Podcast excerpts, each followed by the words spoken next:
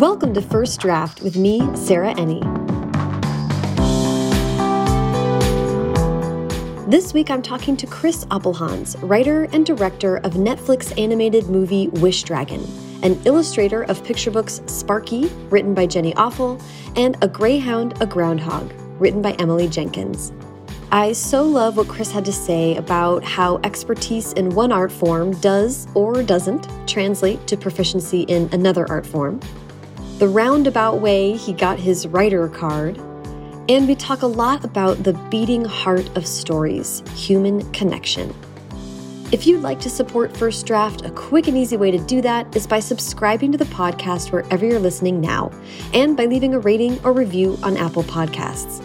You can also go to the website, firstdraftpod.com, to check out the show notes for this episode and every episode, which has links to everything that the guest and I talk about. First Draft is an affiliate of bookshop.org, so when you buy books through the links on the website, it supports the show and independent bookstores at no additional cost to you. You can also sign up for the First Draft newsletter at firstdraftpod.com to make sure you never miss an episode and to hear about news and upcoming events. I'm so excited that First Draft merch is now available on the website, firstdraftpod.com, and click on shop to see new t shirts, sweatshirts, dad hats, notebooks, mugs, and more. Every purchase helps to keep this show independent and free. Okay, now please sit back, relax, and enjoy my conversation with Chris Appelhans. Well, hi, Chris. How are you doing today? Good. Thank you for having me on this podcast. I'm excited to talk. I'm a little starstruck because I've heard about it from my wife so many times. Well, you know, your wife is one of the leading. Uh, I think she holds the record for a number of times being on this podcast. I wonder if she loves it. yeah. um, I'm so excited to talk about Wish Dragon, and I also have questions about the picture books that you've done, and a lot of the other work that you've done sure. on movies. But first, we're going to go way back to the beginning and ask, where were you born and raised? Oh, I was born in Firth Idaho population 400. I lived there till I was four, and then we moved to the huge metropolis of Idaho Falls, population 30,000. Okay. And lived on the outskirts of there till I was in, till I went to college. Okay. Yeah. Small town Idaho. I always ask people how reading and writing was a part of growing up for them, but I also want to know about illustrating for you. Oh, yeah probably pretty equal. All of those things. My twin sister is a crazy reader like on the maureen level like you can't really talk to her during the day because she's reading. And she would never come to dinner until we literally as a group all yelled like dude. So i think i was really surrounded by lots of books and lots of readers and i liked writing for school and i liked to play Dungeons and Dragons. I like to make stories up and I like to invent. And it was one of the advantages of growing up there is like, we didn't really have a TV till maybe I was like 11 or 12. Wow. And my mom would just kick us outside, like, get out of here, go entertain yourself. So I think there was a lot of like, I don't know, self fantasy building all mm-hmm. the time, whatever mm-hmm. that could be, just a stick in some mud or like your friends. So I think drawing was, I liked doing it, I did it for fun. I don't think it was like a passion the way that some people, like, some people, like, you know, they watched The Little Mermaid when they were six and they're like, this is what I shall do. And that wasn't me at all. I was like, cool, that was fun. So I think that was, it was all, it was all around the idea of stories and making up stories that seemed mm-hmm. really fun. Um, mm-hmm. And drawing was a part of that that I liked amongst all the other things I liked. So it sounds like you weren't sort of like didn't feel like destined to do this, but I know you end up you wound up going to art center, which is like people who really are like super focused on yeah. art and illustration. How did that how did that end up happening? I maybe my junior year, I had a terrible. There was a the art program in my high school was taught by like the football coach, and it, there was like art one, and I was like, okay, art one, and then I was like, I took art one. What's next? They're like, oh, there's no art two. I'm like, why is it called art one? What about two, three, and four? So, I think because of that, maybe on some level, it didn't seem like a career thing because you're you're in school, like right. here are your careers, and that just seemed like a hobby right. you did. And so, in my junior year, a family friend was an artist who lived in southeast Idaho, and he had gone to Ricks College at which is now BYU Idaho. And they have a, like a weird kind of feeder program thing with Art Center. They they had a lot of Art Center grads from the 60s who were Mormon move up and teach. So they had good teachers. Wow. They'd find kids and they'd train them and they'd send them up to Art Center. So I met one of those kids who was like uh, halfway through Art Center, and he just told me what it was like and said, "Here's Mm. what you need to do if you want to try to get in." And um, and I thought it was super lucky because I think it, you know, I looked at the like list of art schools on whatever U.S. News and World Report or whatever. Yeah. I didn't didn't know anything about how to do it. But I think seeing him and knowing he was doing it and he was from like where I grew up just made it seem like, oh, okay, so this can happen. Now the young artists coming up are all like that. It's nuts because they can all, the only barrier to anyone's artistic growth now is desire to teach yourself Right. ability to like seek out knowledge. So if you love drawing and you're nine, there's just a fucking Yeah. every book and every every tier i don't know if it must apply to writing but, but i don't know if it's quite as dramatic it's like a it's like a leveling up game Mhm. wherever you start there's like this there's the people you aspire to and then there's all the levels of learning that are in between and the most important thing i think to progress is to be able to latch onto that next level and see people who are doing that figure out how they got to that step. And then Mhm. one step at a time you work your way up to this highest level. Now if you're a young artist no matter where you are you're surrounded by literally tens of thousands of other people one step above one step below and, and incredible knowledge. So like your typical 23 year old studio hire is just bonkers now. They're just all on steroids. It's amazing So nuts. yeah. So that's great i think it's just democratized that knowledge Yeah, yeah, that's a good way to put it. It makes me a little, well, I have thoughts about how early people need to be good at things, yeah that's true but but there's nothing preventing you from going back and you're just timeline is just different. Yeah, and I think there it's a good point in terms of your skills as an artist are only as useful as, as your human insight, basically, because Mhm. that's what I mean. At some point, yeah, you're designing and drawing, and but what gives your work its personality and it, to me, anyways, its real value is that it's an expression of this individual. Yeah. And so you got to work on that too, which is you can't do that um, by practicing. You have to live. yeah, that's oof. And I'm like, I've been having a lot of thoughts lately about like the importance of having something to say. yeah. I was just talking to uh, Jon Klassen. You've interviewed Jon, right? Mhm. And he had he was talking about this book, the George Saunders book he's reading, which is this I forget what it's called. The Russian literature one. Yeah, it's breakdown of these short stories. And he, t- in, in that book, he describes his discovery of like, I wanted to be Hemingway, and I wrote a bunch of like Hemingway stuff. And it was like pretty good, except it was just somebody trying to be Hemingway. And then I, and then I started to write in the style of the like jokes I would tell at a cocktail party with all the skills Mhm. built over all those years. And it was like everybody said right away, like, this is what you're supposed to be doing. Yeah. like how do you how do you shortcut that journey there's no way and the the second part doesn't work with the 15 years of struggling trying to be hemingway because you're acquiring like a crazy arsenal of skills and do's and don'ts and, and mileage that makes you good later so yeah it's i don't know it seems unpredictable Yeah, well, well, okay, and this leads me to my next question, which I, I love asking people who studied art. Is I know a lot about a lot. I I love talking to and have talked about people finding their writing voice, which is mm. what we're talking about. But how do you think that applies to art, or like what was it like finding your voice with your illustration and and because I think that's what you focus on at Art Center mm-hmm. illustrations. Yeah, really? that's right.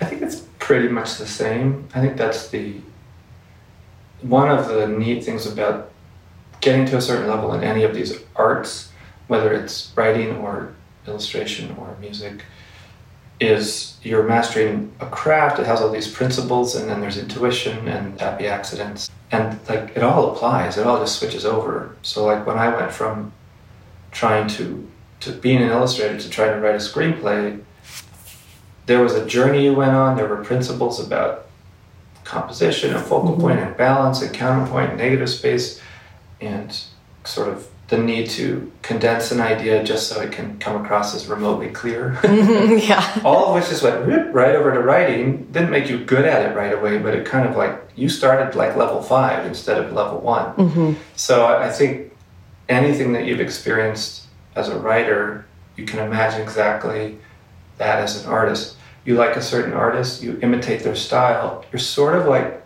but you're you're only understanding maybe the superficial aspects, the way they use the pen, the way they mm-hmm. use the, the watercolor, and then it takes five years before you realize all the fundamentals of like figure drawing and anatomy, mm-hmm. or you know design and, and simplification that they're doing. That actually that last part is just the frosting on the cake. Mm-hmm. Same with writers, like you might recognize their writing voice, but there's also like much deeper stuff going on that defines their style. So that's what's kind of cool. It just all relates. Yeah. It all it all all, all parallels, and it's same with music, same with uh, any art form. I think. I heard you one time talk about. I don't remember if this was with respect to a teacher or, or what it was, but that someone was like, "You'll learn to draw over four years at Art Center," and you and then you said that you went in feeling very confident, but then it took you ten years to learn to draw. yeah, yeah. My my second year figure drawing teacher was like all right, everybody, y'all think you're super talented. You're probably not, you wouldn't be here if you were not talented, but it's going to take you, and he was in his late 30s, like, it's going to take you like five years minimum, 10 years realistically before you really, really know how to draw. You might know how to draw some stuff in some circumstances, but to like really master it so you can kind of like illuminate any idea with it, five years minimum, 10 years average. And I was like, yeah, okay, old man. I'm gonna do it like this semester. um, which you kind, of, I think you need that basically delusion, you know. Yeah. But it was, uh, I think, ten years at least for me. I was not the five year. I was definitely the ten. I mean, even now there's so much I can't draw, but I think that is a, it was, was a very helpful journey to go on because it immediately humbles you when you face any other specialization. So when I looked at screenwriting, I'm like, I think I I think I'm a good storyteller, but I'm not a good screenwriter. I'm still a beginner storyteller. So like just chill out, dude, and you better like just relax and and learn this craft and try your try to make something as cool as you can. You need to be doing that always. Yeah. Otherwise you're it's not I don't think you're practicing the right way, but don't think that you're going to be great at this in a year. You're not. And that I think is very helpful. And there was like a point maybe in my mid 30s where I had been so busy with work and I always loved music and always wanted to make music and write songs and I always did it like in an amateurish way. But there was a point where I'm like, you know what, this is not going to happen because I know what my career is going to be like. It's going to be busy, and if I was really serious about this, it, it's just there's just not enough life left to do all this stuff. And it didn't make me sad. I was just almost like, I'm kind of glad because I'm not kidding myself. I'm not going to sit down four times a year and diddle around on the piano and think I'm going to come up with something great. Like, no, you're not. Right, right. You want to get do something great, you're going to have to go sit at it for five, six years. So I think that that was really helpful and it really helped me when it came to making a film because you have probably, you know, you have 200 to 500 people on these and of those, most of them have a specialized skill that takes at least five to 10 years to master. And you are just totally fucked if they don't give you their all. And yeah. you can't do it. You can't. No one person is talented or has enough time in their life to get good enough to, to chip in with. That's like no one builds a skyscraper by themselves. Mm-hmm. They might know how, but it's just impossible. And it's exactly the same. So I think that helped me from like I was still delusional in a lot of ways, but at least not that way. yeah. I want I want to ask about leaving art center or or even as you're studying you immediately went into film. Mm -hmm. um, so it seems like you always knew. I mean, I'm sure some people leave art center and just exclusively paint or do fine art. So what was what what made you so sure that you wanted to go into this broader field, and how did you get started there? A little uh, I think it was a basic instinct, which was I I had different like as you do in college, I had a lot of phases. My sophomore year, I was going to be a gallery artist. My junior year, I wanted to be an illustrator. My senior year, I wanted to do concept art for games and movies. Mm-hmm. And you're like so convinced at every stage. Children's books and movies, I felt like the the audience there came at it from a more of a pure place. Like kids don't give a fuck. They're like, this. I don't care who you are. Mm-hmm. I don't care that you're Madonna and you wrote a children's book. It's not good. I don't care. I'm not gonna finish it. And And plenty of Yeah. plenty of Madonnas have written Yeah, picture books that are really like- crappy. like B- BJ Novak wrote a great children's book, Yeah. which has succeeded entirely on its merits. Yep. And that and people resented him. I'm like, what are you talking about? This is a great idea. It's brilliant. And when I read it to my my friend's son and watched him freak out, I'm like, you did it. Like, it's all here. Mm-hmm. So I think a part of me just was drawn to the fact that in those fields, at the end of the day, you would be a little more judged on the merits. I just got lucky in that I put some of my work online in those early days, and people who worked, uh, Doug Chiang, who was the production designer on all the the second generation of Star Wars movies, he was just the sweetest man in the world.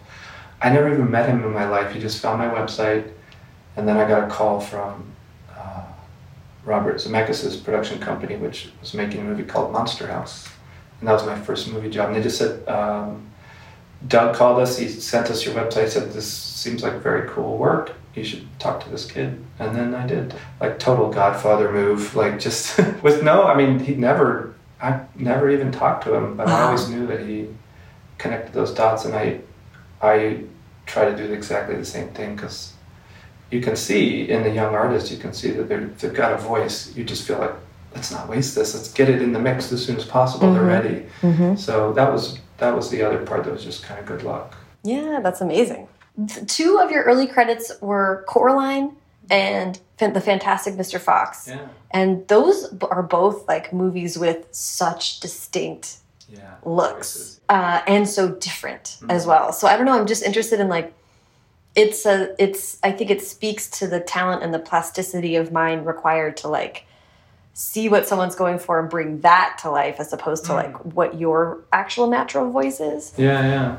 I think it's a it was a good lesson in what I found to be uh, over time good direction, which was you get talented artists together and you have a certain amount of faith in their talents and Mhm. a certain like laissez-faire like make it cool, and then you have a certain specificity to your vision and like a relentlessness to like, but I want it like this, Mhm. like at the end of the day. So Henry Selick, who did Coraline, and, and Wes, who did Fantastic Mr. Fox, were very supportive and very sort of open ended in some ways, and in other ways, were like, I know exactly what this needs to be, and I want it to be. That. And the first director I worked for, Gil Kenan, who did Monster House, same way. And the experience was you felt good because they were trusting you, Mm-hmm. But you also felt like just fucking exhausted by them. Sometimes like, I gave you something so cool, like just lay off, stop asking for more. And I remember being like halfway through Wish Dragon and and having thinking the whole time that I was being like really effortlessly kind to everybody and like just gently pushing them all. And everyone who rolled off the show would always have this final thing like, I'm so fucking glad to not have to take like one more note from you. oh, it's great, so and so. Just one thing. Just one more thing. Just so I think it's like almost like being a sports coach or something. You need to you've got to trust all these guys and put them on the floor, but you also have to say like you have to push them out of their comfort zone Yeah. to to go a little bit above. And that was a really, I think, in a way, what they did made me look good because they, to your point, they embraced certain voice that I had or quality to my work, but they also funneled it into through references, through guidance, through art direction. They funneled it into part of a bigger vision. And so I, I was on the sports analogy, I was able to play well in two different style teams Mm. because there were good coaches. Mhm. And you you have a bad coach and it's a free for all. Yeah. Or everyone's blaming each other, or nobody understands what anyone else is doing, and so they all look worse than they are, you know, which happens the other like eighty percent of the time. Yeah.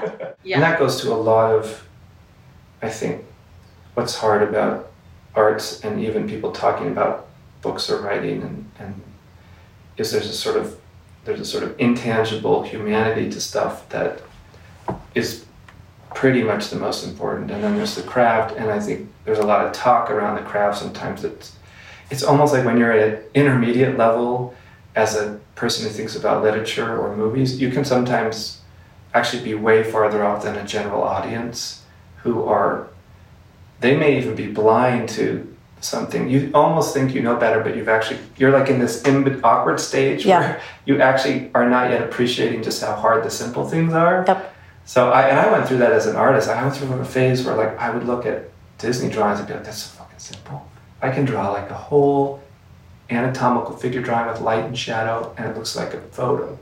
And, and then I look at Donald Duck. I'm like, oh, I do that. And then I tried to draw Donald Duck. I'm like, what the fuck? and then I was like, wait, you guys move him like 24 times a second, and you wait, what? And then every choice that they made about what they chose to draw and what they didn't you realize these people all know how to draw way better than me. Then they decided they wanted to make their drawings move.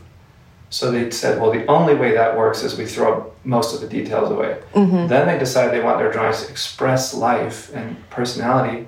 Whole new set of principles come in. And then by the time you you've gone on the little journey they did, you're looking at that stuff in Bambi or Pinocchio and you're like, this is like one of the greatest artistic accomplishments. And we're all just following these footsteps. Yeah. Yeah. So yeah, it's a fun it's a fun journey that you just it just has to have a humbling stage. Yeah, yeah, I think you have to go through those. I think about growth as like a it isn't it isn't a um like I'm drawing in the air like a direct it's like mo- these mo- these cycles and moments. I feel like it's like, like, falling uphill. yeah, that's a good way to put it. You can lucky, yeah. you get to these hubris stages and then I feel like there's inevitably this humbling like trip and you're like, "Oh my gosh, this whole other door open that is this whole other skills that I don't know." And every once in a while, I think about this a lot with dialogue cuz sometimes you'll be watching something or he or listening to something and a line just hits you and you're like, "That is so good and I don't know why." And that's really cool because you're like, there's still so much room to grow and understand why that worked or why that hit me. And then sometimes it's like, it's just magic. It's just the actor Yeah. saying it, the way it's written, the way, you know, it's sometimes you'll never know. Yeah, and then I think you see sometimes you'll see uh, a, the work of a writer and like they can just keep doing it. You're like, Mhm. well, then there's they're, they know what they're doing. I want to track both how you were moving up in film and animation, but also you have a couple picture books. So I would just love to hear about how Sparky, which uh, I love so much, and is it Ground? Oh my gosh, I wrote it down. Oh, a greyhound. A Greyhound, a Groundhog. So Sparky was written by Jenny Offill. A Greyhound, a Groundhog was written by Emily Lockhart. Um, you're the illustrator for both. So how did that? Did you know you wanted to do children's books? Were you kind of waiting for those gigs, or how did that happen? I can't remember. Let's see. I th- I knew I would like to do children's books. I think. I th- and then um, I had a wonderful book agent, Judy Hansen, who I met through friends who were illustrators, and can't even remember. I think you know at that point I had a lot of illustration experience from movies and stuff, so it was all online. Mm. So they, I'm sure that they shared some of that with publishers, and they're, oh, that's interesting. Maybe let's send some manuscripts, see if there's a good fit. And both both of those manuscripts stood out to me because they felt uh, they were thoughtful, they were interesting, but they also felt like the author either on purpose or by accident left all the right things out of the words, Mhm. which is the hardest thing about making a picture book, I think. With respect to the illustration, Klassen um, was talking about how picture books are not the moments of action, which is what you're illustrating for movies and film all the time. And he was like, "What is the moment of stillness that happens right before or after that then?"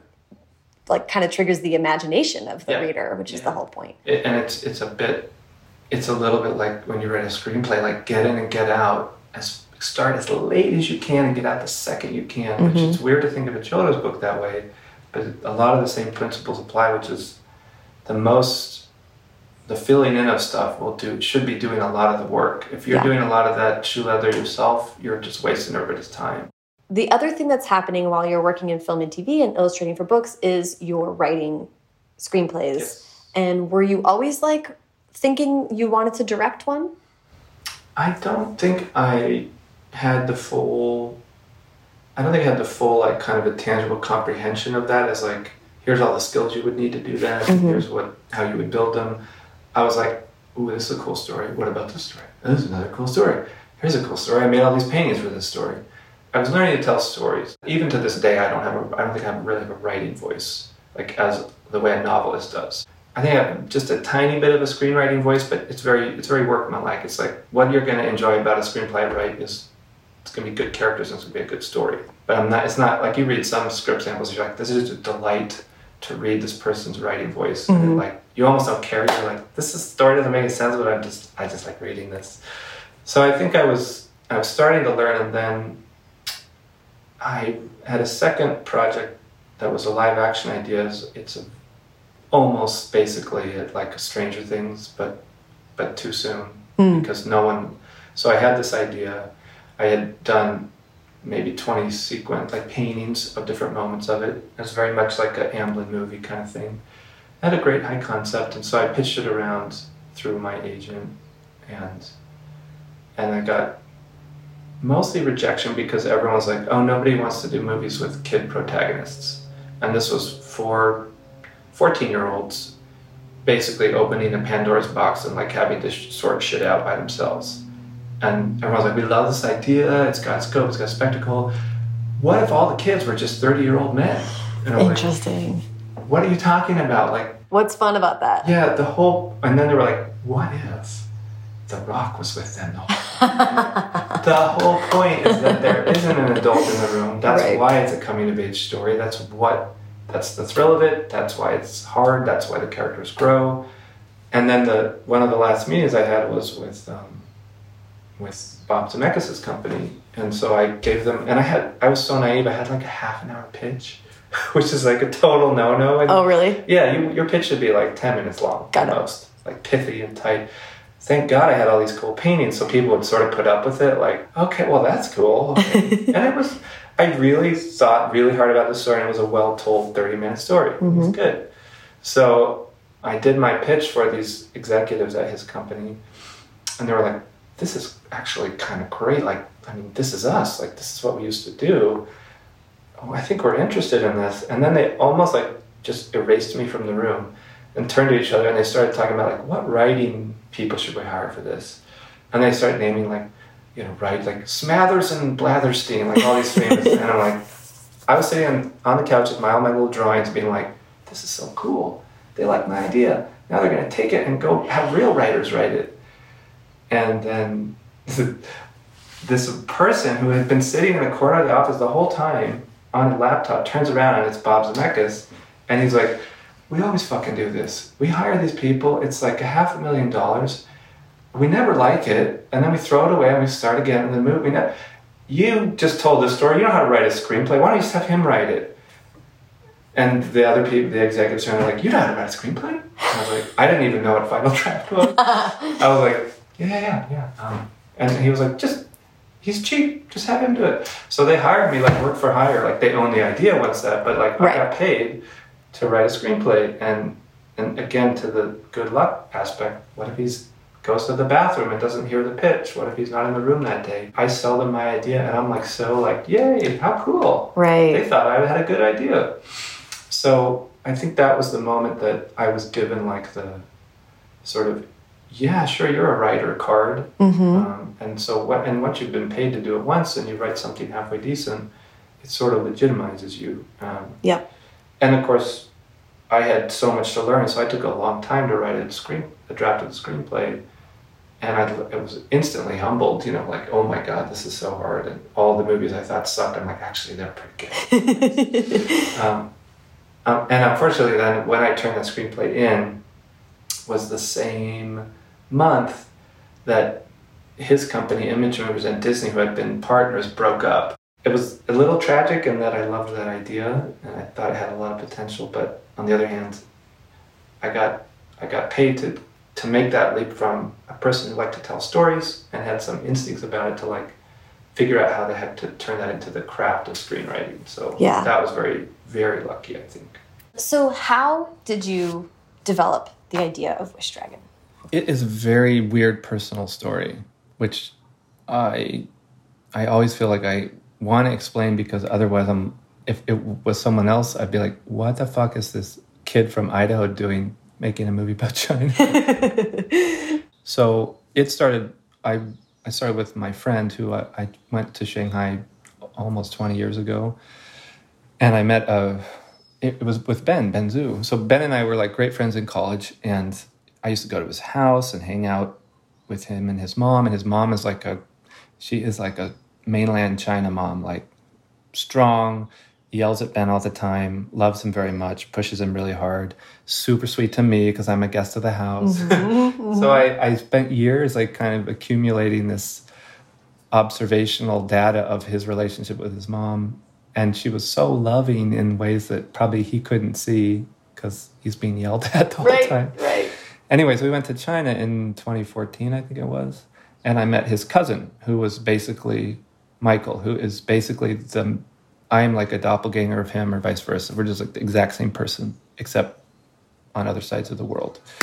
And we just had this instant, like, just we're like, oh well, we'll be friends for life, and we would just do all these things. We would we love to talk about politics and culture and life and and and it was really one of the first times that I traveled and met somebody who who really challenged my ideas and who but also who was very similar to me. So I really thought, wow, here's a person like me. So whatever lived experience he's having of his country is probably similar to what I'd have mm-hmm. if I lived there.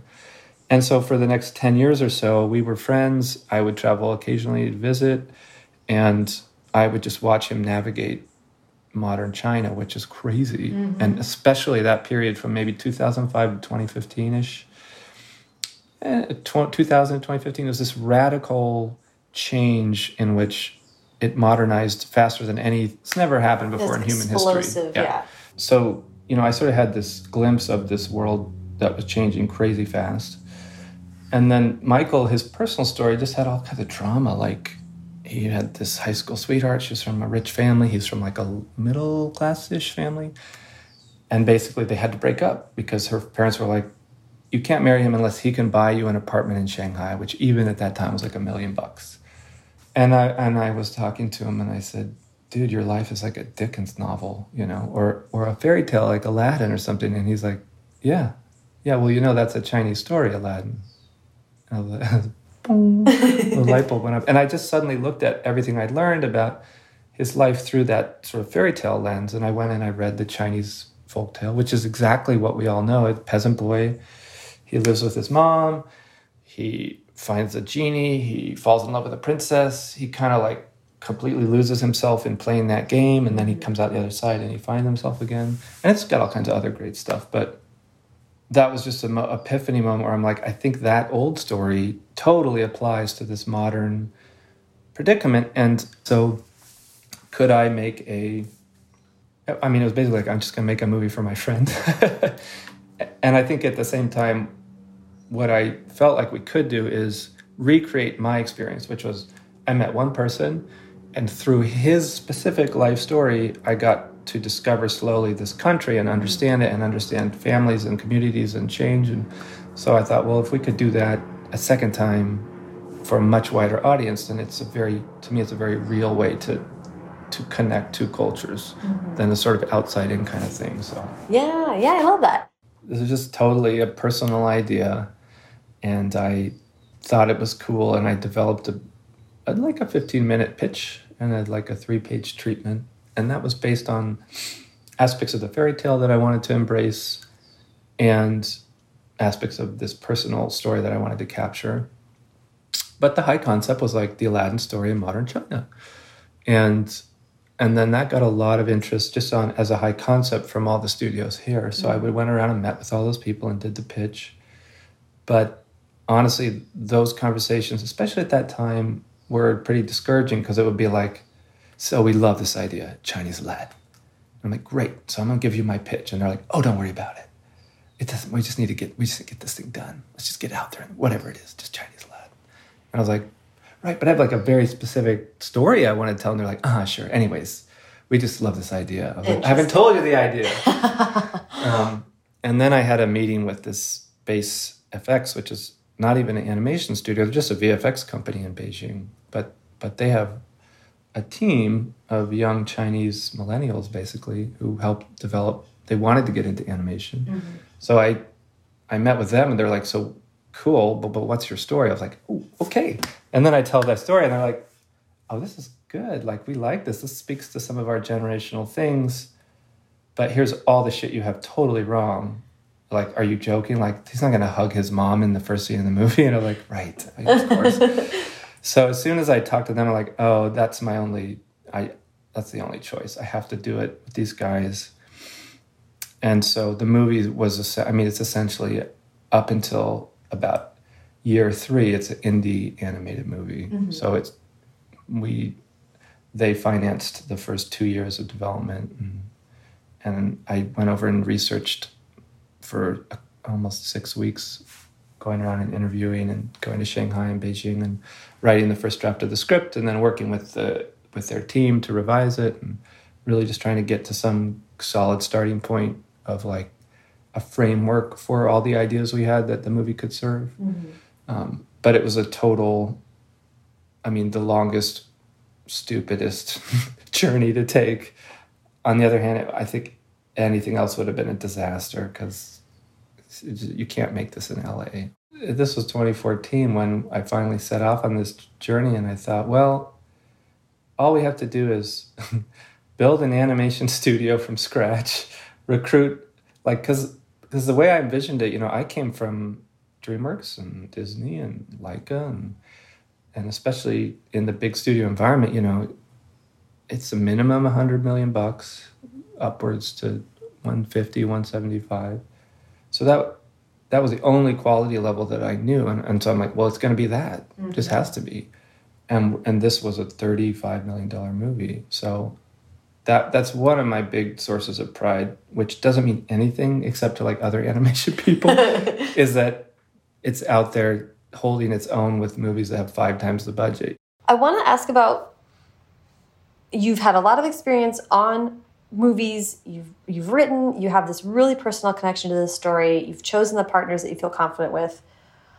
How do you become a director? Like how do you even know where to step? Like that mm-hmm. feels so wild to me.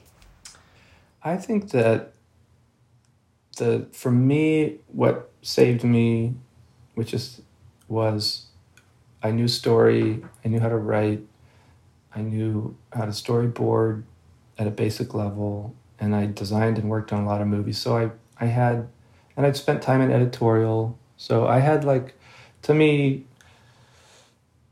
directing act writing, directing the performances, sh- figuring out how the hell you're going to shoot it and how it's all going to get cut together and have a coherent look. Those are like kind of the key ingredients of mm-hmm. directing.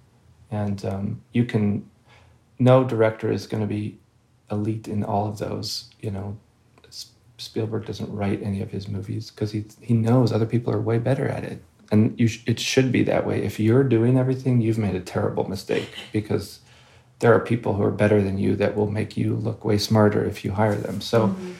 I think for me, my strengths starting out were that I knew story, I knew how to design movies, I sort of knew how to shoot them, I sort of knew how to edit them, and the rest was total terrified improvisation, which turns out when you talk to other directors are like, so when's that going to go away? They're like, what are you talking about? Yeah, yeah.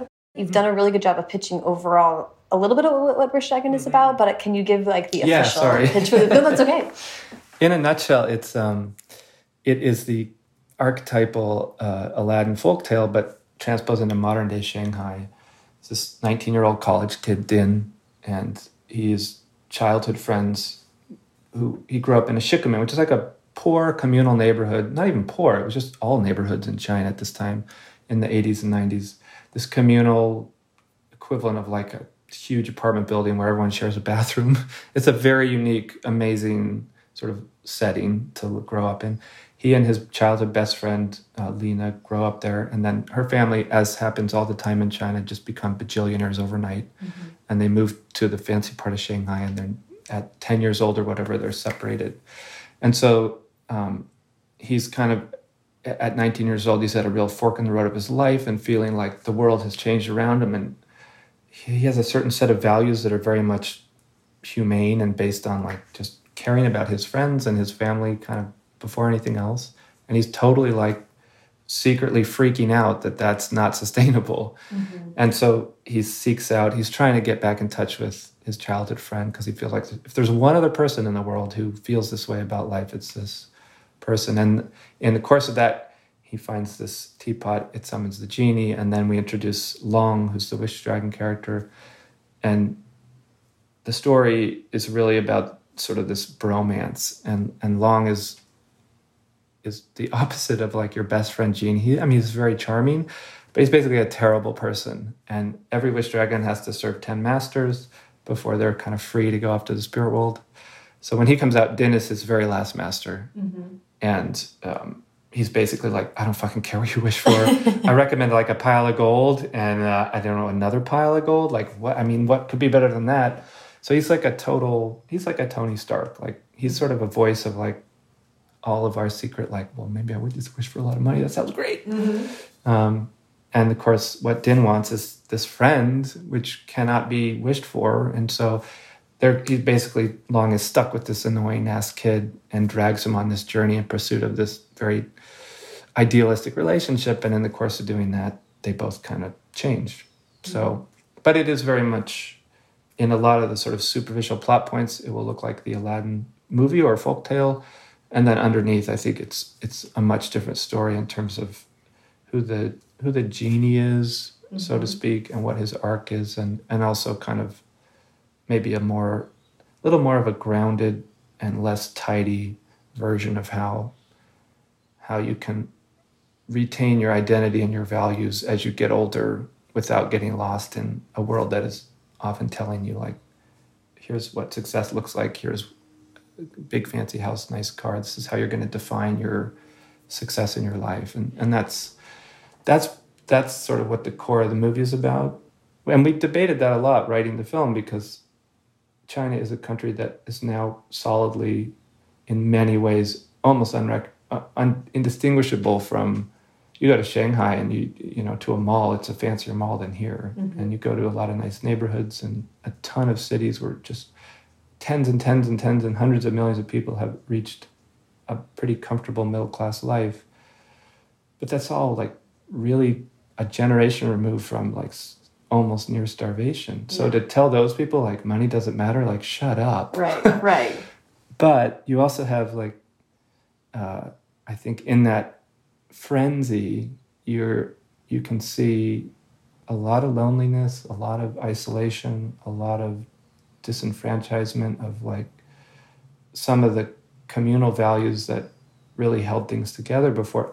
And as an American, as a Westerner, who finds like my life a little like lacking in community and like even though it's uncomfortable, even though it's annoying that you know your neighbors so well, it also like connects you to this to this community that gives sort of some fulfillment to your life. Mm-hmm. So we were always trying to balance saying money's great, but it it can't provide meaning to your life. It can give you everything else. yeah. which is why really rich old dudes like build museums because they're about to go out the door and it's like, well, fuck. What how can I be how can I use this money to feel like I've made some human impact? Right and it's why I think there are so many people who leave they have lives of incredible happiness and dignity with very little. Yeah. And so if there's anything that the movie does, I really hope that it can essentially leave people with the message that at the end of the day, uh, whatever your circumstances are, whatever your starting point is, you still have control over the type of person you are. Mm-hmm. And that won't solve there are a lot of problems that won't solve, but essentially being a, a decent force in the world and, and valuing the other human beings that you come into contact with, that gives that is where the deepest satisfaction in your life is going to come from in the long run. The OG Disney Aladdin is really about power. And like of course that involves money because but it's a but it's a monarchy like it's kind of a whole different thing and yours is much more really explicitly about consumerism and yeah. He literally sits and talks to a billboard of his friend because she's not physically there. Like, and there, and the design of China is so realistic in how it's showing, and which, by the way, is of course how American cities look too. Is we're surrounded by advertisements, we're surrounded yeah. by things that show what you should believe in, or even if it's disastrously at odds with where it's physically Yeah, where these yeah. advertisements physically are placed that sort of like cognitive dissonance that we've grown used to but it really made me because you had to design it so Well, it made me just think about that it's yeah it's very observant and it's so heightened there like when we did our research trips we would go to these old shikumens which are basically those neighborhoods you see we interviewed like a 90 year old lady that was still living in like one apartment and everything else had been demolished. Wow. and she's just standing there cooking defiantly like no. And then you could just turn around 180 degrees and you could throw your pencil and hit a lamborghini dealership. And that and the, whatever neighborhoods we would research and they were gone by the next year when we could come back. Because it just the turnover is so remarkable. I, I think that's the the hardest thing to keep track of in today's environment which is that our identities are so that we're so pushed to consider them as a sort of collection of consumption patterns Yeah. and that is oh so you're an Acura owner and Right. oh so your clothes are from Madewell and oh you're i don't buy apple products it's like a whole identity right and even even your consumption of media is like an identity and i think all of that is in a way that's a, that's that's timeless you know but i think it's a little bit in an absence of like who are you as a person? What relationship do you have to the other human beings that are within a stone's throw of you? And that's really for me it's really hard to keep i have very little sense of that. I i go play soccer when i can on saturdays like the way I would go to church. It's like my chance to just be around a cross section of random humans from my community and just crack jokes and feel like you can pat somebody on the back and ask them about their day and, and feel like they needed you and you needed them. And so I think maybe that the fact that I was a little hungry for that was a motivating factor in the movie to try and say, let's just not forget that this has a lot of value too. I love it. Um, okay, well, I want to kind of start to wrap up here. Um, I did just want to talk about um, it coming out on Netflix and just like, well, I don't know, what's that experience been like? That it's so different than I'm sure what you thought was going to happen for most of these six years. Yeah. But in some ways, it's also like so cool. Like I told my mom, like just go turn on the. She was feeling sick, and I was like, well, I got the perfect thing. Just sit back and watch the net. And she was like, yay, so accessible. Yeah, very mixed, uh, but mostly good. I, I think, lucky in the sense that the movie. So so, we did it. We planned for it to be theatrical, and then probably six months ago, along with a bunch of other mo- poor movies, all found out like you're going to streaming service. We're like, no, right. And we all love the big screen. Wish Dragon, I don't think is a movie that that lives and dies by being in the theater, which is lucky because like if you were in the middle of making Gravity and they're putting it on TV, it's like forget it. I mean, Tenet, right? He was like, what? yeah, exactly. So it's it's much more character driven. It's much more um, based on you know comedy and and there's some lovely scope and spectacle to it. Um, but I was like, okay, well, of of all the projects I've developed over the years, this is one that I feel less freaked out about that. On the other hand, we went and watched it just because they do a little qualifying run, so we could go just the crew. We just mm-hmm. went to watch it in North Hollywood just to sort of have a nice final moment. And like watching with a group of people, I'm like, oh no, this is fantastic. Like to be there with a hundred humans, no distractions, riding the roller coaster. And when a movie works, that's really lovely to, to ride together. So that was like, oh, that's too bad. I really missed that. But then you find out how many people are going to see your movie and how essentially the barrier to entry is eliminated. Mm-hmm.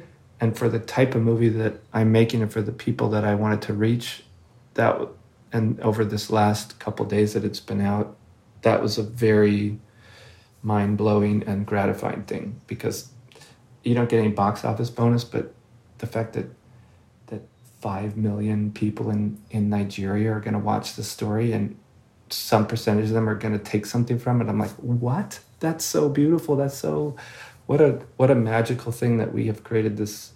Whether it's Netflix or any of these places, we've created this sort of messaging portal for any. It's ostensibly for entertainment, but mm-hmm. it's also for just here's some human shit that we're feeling over here. And it's like, I feel you. Yeah. that's a good feeling. Yeah. So I think in the big picture, it's a hundred percent uh, like I'm happy. I'm happy that that's how it ended, and it's a good fit for this movie. Well, I always wrap up with advice, so I'm going to ask you a completely impossible question, which is what do you what would you tell to someone who wants to one day direct an animated movie? what are the many ways that you can sort of get started or You fool.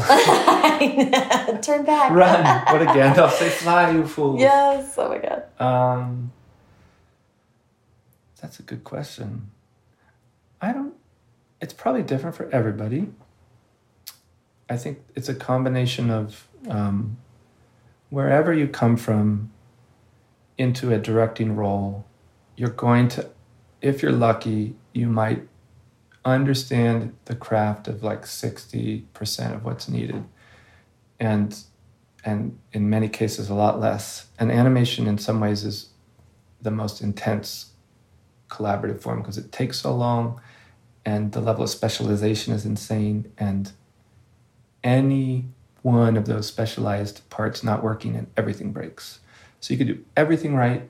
You could do your writing correctly, your staging, your storyboarding, your comedy, your character development, your animation, and then you light it wrong and the contrast is on the wrong place and the faces is is not looking right and people can't see what anyone's feeling or thinking and they stop laughing so it's this sort of delicate fabergé egg that has to just go through this insane factory Mm-hmm. and all these hands have to touch it so you for me i think i look at it now and say it's a big part of it is a vision and a passion for an idea and then and then an equally big part is you are doing this with a team. And if you don't have the team and they don't love the idea too and they don't care about it and they don't bring their heart and soul to it it'll just be a shadow of what it should be. Mm-hmm. and so it's it's partly you and then it's a huge part of the people that you that you bring together and then you got to inspire them and you got to make them see what's possible and then let them do their thing. So I, i'm not a natural leader. I, i'm uncomfortable in that role. I never really wanted it. And then it occurred to me a few like six months i'm like oh no. That's the only way this is going to happen. And everyone could tell. They were just like like when i had to get up and speak to the crew everyone's like you look so miserable doing this. But when it came to like working on the movie with them on the floor every day i was so happy and so in the zone with them. So i think that would be my advice is is it's project and people that all need to one without the other is pointless so Yeah, yeah, Yeah. I think that's a wonderful takeaway. Um, well, thank you for giving me all thank this you time. Oh, so I so about. appreciate this. so many good questions i yeah. the writing part is is uh, it's amongst the hardest and none of it the rest of it matters if you don't figure that out so i feel like that is the that is a horrible burden of writers yes. Thank you so much to Chris. Follow him on Twitter at Dairy Snake, and follow me on both Twitter and Instagram at Sarah Enni and the show at First Draft Pod. As I mentioned at the top of the show, leaving a rating or review on Apple Podcasts is a great way to support the show and help new listeners find us. I'm going to read a recent review that was left now. This review was left by Wendy Loves Peter Pan. Wendy Loves Peter Pan says, insightful questions, soothing voice. Not only does Sarah have a great voice for this medium, as an author and purveyor of all sorts of literature herself, she's able to ask authors questions deeper than any passing fangirl could. Great author advice, plus always an extra dose of insightful conversations on life and the creative philosophies that drive our creative careers. She has a fantastic blend of guests writing across all genres. No complaints about anything. And then Wendy Loves Peter Pan includes my favorite emoji, which is a face just covered in hearts. a blushing a blushing face covered in hearts. I mean, sometimes it's embarrassing to read these reviews um, in the credits because they're just so so sweet. That's just the nicest most generous review and and Wendy loves Peter Pan. I so appreciate you taking the moment to leave that review because it absolutely means that more listeners will find the show and it really means a lot to me personally. Thank you so so much. First Draft is produced by me, Sarah Enni. Today's episode was produced and sound designed by Callie Wright. The theme music is by Dan Bailey, and the logo was designed by Colin Keith. Thanks to social media director Jennifer Nkosi and transcriptionist at large Julie Anderson. And as ever, thanks to you, perfect episodes of Frasier, for listening.